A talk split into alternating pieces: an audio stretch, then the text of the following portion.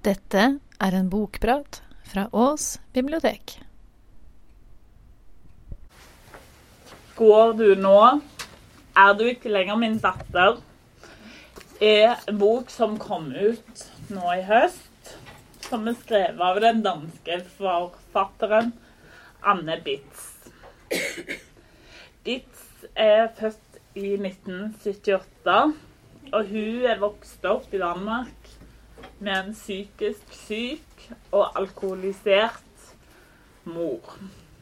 Men hun har bodd hele sitt voksne liv i Norge. Det er denne boka her. Og bak på den boka så står det Som barn skjønte jeg det aldri. Hvorfor andre ikke ville hjelpe oss sånn på ordentlig. Når jeg eh, tenker meg om, så skjønner jeg det heller ikke i dag. Og det er det denne boka handler om. Bitz har hatt et dramatisk liv helt siden hun var født, midt inne i et trekantdrama.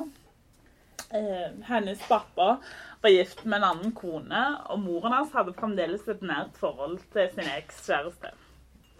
Og må jeg få lese historien deres helt fra forfatteren er en baby som skriker hele tida, til en oppvekst prega av fysisk og psykisk vold, til vi får lese at mora drikker seg i hjel. Når forfatteren skrev denne boka, så var hun tilbake i Danmark, til der hun bodde som barn, og hun samtaler med de voksne som var rundt henne der. Og hun spør de alle sammen hvorfor skjedde det ingenting. Hvorfor gjorde dere ingenting? Dere så det jo. Og de gjorde det. De voksne rundt meg, De så hvordan vi hadde det. Men ingen gjorde noe som helst.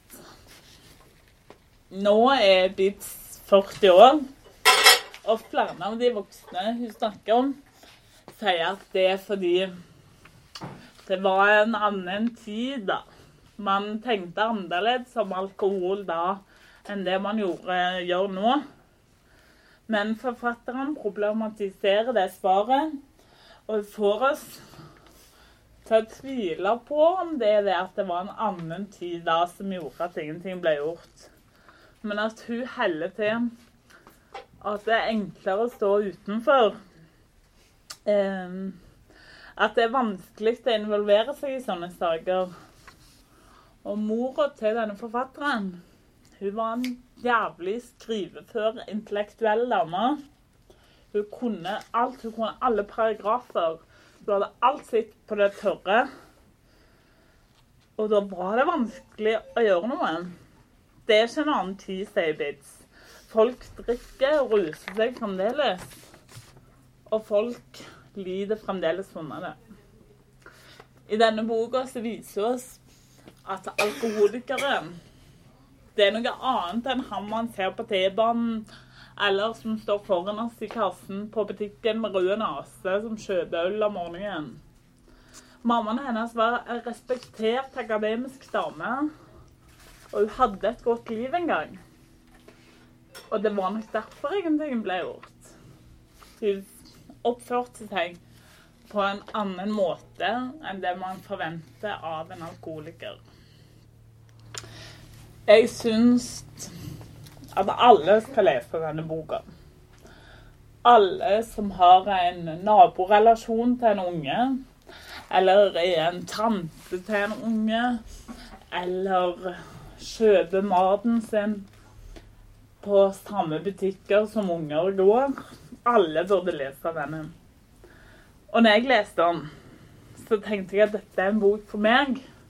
Jeg som er barnebibliotekar, som er med unger hele tida. Jeg som er en mamma som er med en unge som har mange venner. Jeg må lese den, for vi må alle ta en del av dette. Og jeg tror at det er en reaksjon som forhåpentligvis mange deler med meg. Vi vil ikke at flere unger skal vokse opp sånn som Bitz har gjort. Men det er ikke bare fordi at dette er en himla dyktig dokumentar. jeg syns at boka fortjener flere lesere.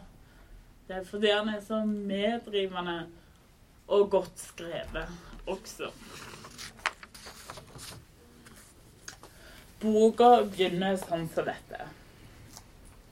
Nå, der kommer dagens hovedperson, sier jeg kaldt idet likbilen kjører inn på Akershus kirkegård. Det er en lørdags ettermiddag i oktober. Det rasler gyllent løv. Himmelen er knallblå. Lufta er skarp, men likevel mild. Jeg er sulten og kvalmen, litt svimmel. Mammas ekskjæreste og mannen jeg så inderlig skulle ønske var min far, Peter, er taus. Jeg tror heller ikke han kjenner noe stor sorg. Han har vært lei lenge. Petters kone Tone, deres to voksne barn Mikkel og Martin, samt min bestevenninne Anne, sier ikke stort. Alt er nedslåtte blikk, skraping i grus, finne ut hvor man skal gjøre av hendene, ikke si hva man tenker. De er der. Likevel så føler jeg meg så sykt alene, som jeg så ofte gjorde det i konfrontasjoner med mamma det er en sterk begynnelse, syns jeg. At boka begynner med at mora blir kjørt inn eh, i en likbil. Forteller oss hvor stor plass morens ødeleggelse både har i forfatterens liv og i denne boka som kommer. Og videre i første kapittel så er det en beskrivelse av hvor Bits er når hun får dødsbudskapet av Peter, og vi får høre at hun tar og reiser ned til København og deltar i begravelsesforberedelsene, velger ut salmer og alt slags. Og så leser vi at hun sitter inne i kirka, og vi hører presten tale om hvor mange ting mammaen hennes fikk til og så får vi høre Anne Ditt sine reaksjoner på talen. Det var også andre krefter i henne. Krefter som la livet øde, og ikke bare for henne, men også for dere hun kjente og var forbundet med. Pust. Iblant tok mørket henne andre ganger fløy hun helt opp under sola, der oppe hvor man brenner vingene sine, og der ingen andre orker å være. Og hennes måte å dulme og lindre på gjorde bare vondt verre, selv om det Pust, pust. Var vel et forsøk på å klare noe hun ikke maktet. For selv om at eh, et ordtak sier at i vin og deres, i vinen er sannheten, så hender det også at en vin mors i vinden er døden. Hva er det for en lyd? Den kommer fra meg. Lyden. Det er et skrik fra et dyp inni meg som jeg ikke visste fantes. Fra et sted jeg aldri har vært. Jeg hører ikke mer av prestens ord.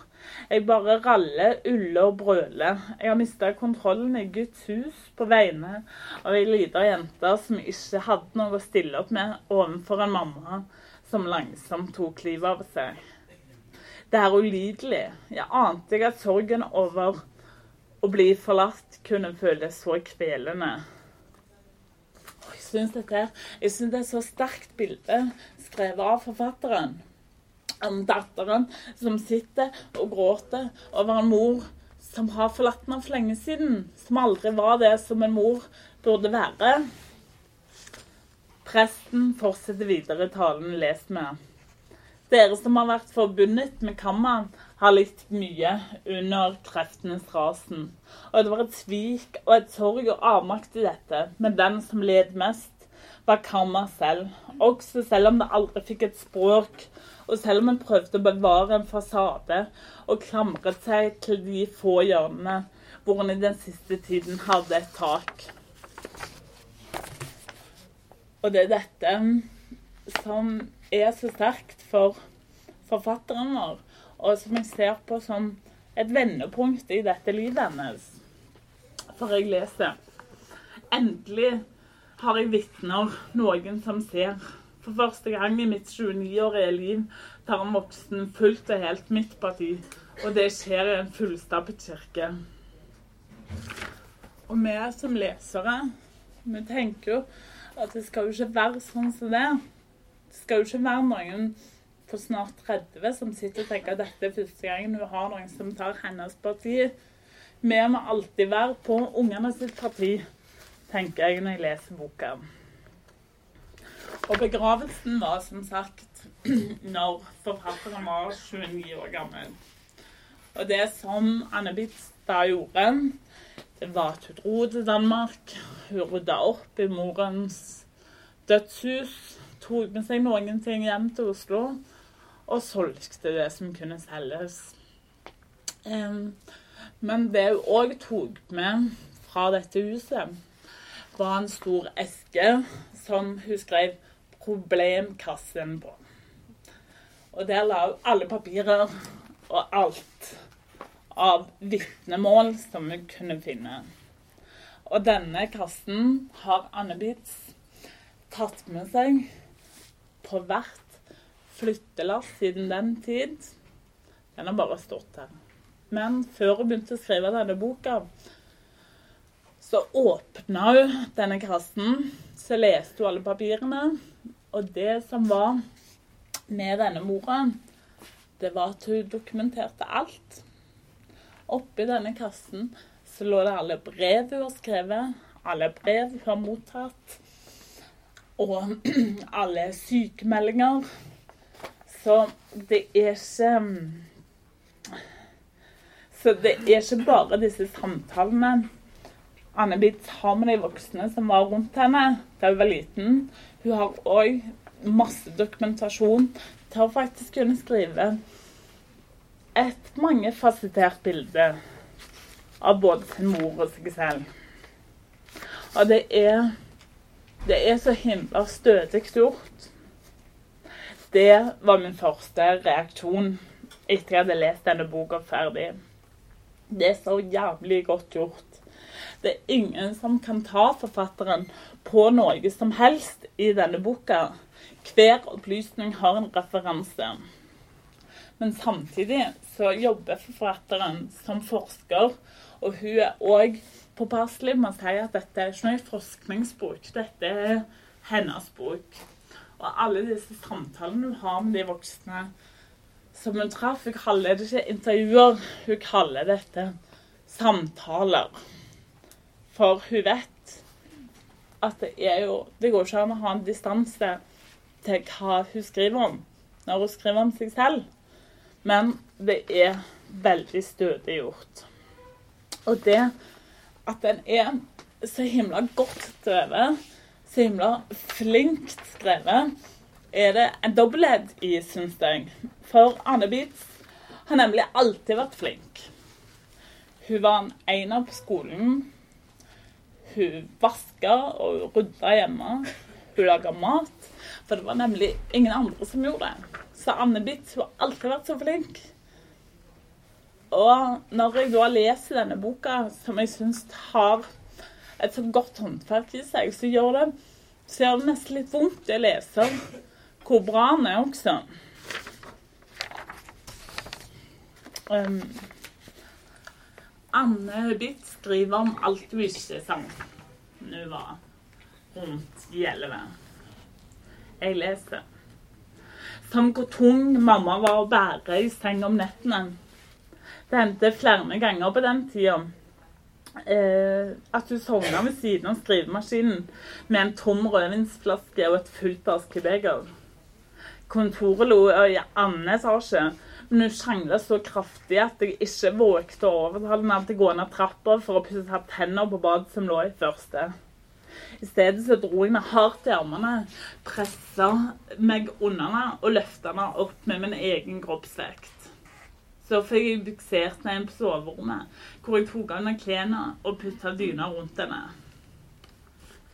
Og dette er jo ikke Dette er jo ikke et liv jeg vil at noen unger skal ha. Alle eh, voksne hun har møtt og pratet med i denne boka, alle leilighetene hun har oppsøkt. For hun har nemlig gjort det òg. Alle plassene de bodde, har hun dratt det og besøkt, og vi får være med på helt konkret alt det har gjort. Og alle disse plassene tar hun og behandler med en stor respekt.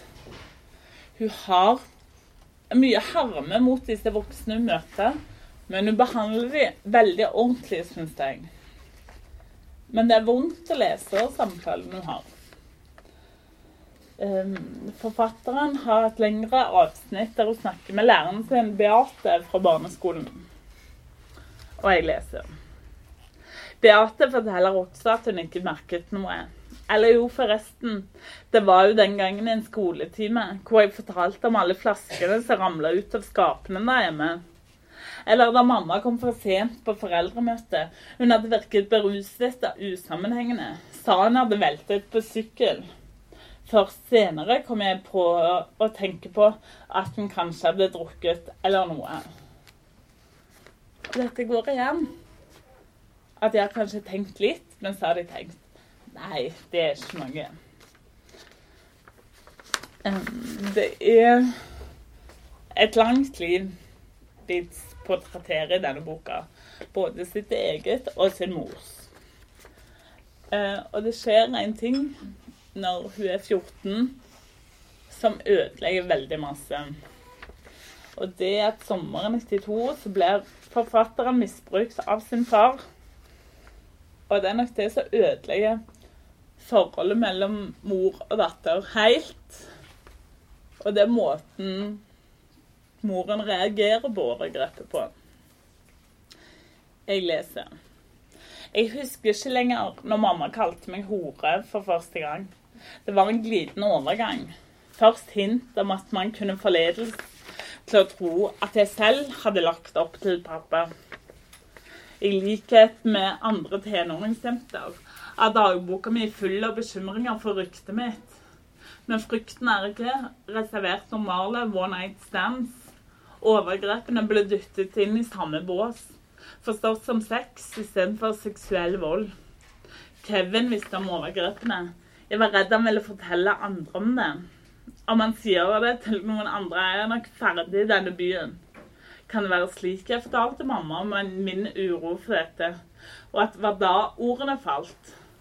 Du skal ikke tro at noen vil synes synd på deg hvis du forteller det. De kommer til å si at du er en hore. Ingen hadde noensinne snakket til meg på den måten. Jeg ble helt stum. Tror ikke jeg helt skjønte hva han mente. Men det var og er det mest hjerteløse noen noensinne har sagt til meg. Mm, og hvor eldre forfatteren blir, hvor mer sier hun faktisk ifra om dette. Og det er ikke bare at hun sier ifra til moren. Hun sier òg ifra til folk rundt seg. Og det er det som jeg syns er vondest som en voksenperson å lese om i denne boka. Hun sa ifra til læreren sin en fredags ettermiddag så sa hun at jeg kan, aldri, jeg kan, jeg kan ikke bo med henne lenger. Og så snakka læreren min, en god, fin lærer, snakka med henne i en og en halv time fredags ettermiddag. Så sa hun ja, men du vet, kan bare vente til mandag, så skal vi fikse det. Men så skjedde det ingenting. Og det er når Anne Bitz har oppsøkt denne læreren nå, mens hun skrev denne boka, at hun har spurt ja, men hvorfor skjedde det ingenting. Og det var jo at eh, moren ringte jo hjem til mammaen og fortalte om dette og sa hun ville gjøre noe. Og da hadde jo mammaen hennes tatt på seg sitt intellektuelle eh, åsyn. Og, for, og Anne Bitz forstår i samtalen med henne 20 år etterpå at hun var blitt redd. Hun tenkte dette kan jeg ikke forholde meg til, dette kan jeg ikke gå inn i. Og dermed hadde hun ikke gjort noe. Og Anne Bitz har òg Hun har gått til skolekontoret og sagt det som jeg tenker kanskje vil være PBS her i Norge, og sagt at det går ikke. Men med en gang du gjør noe sånn, så blir det opprettet en sak, og da må de òg si det til forelder.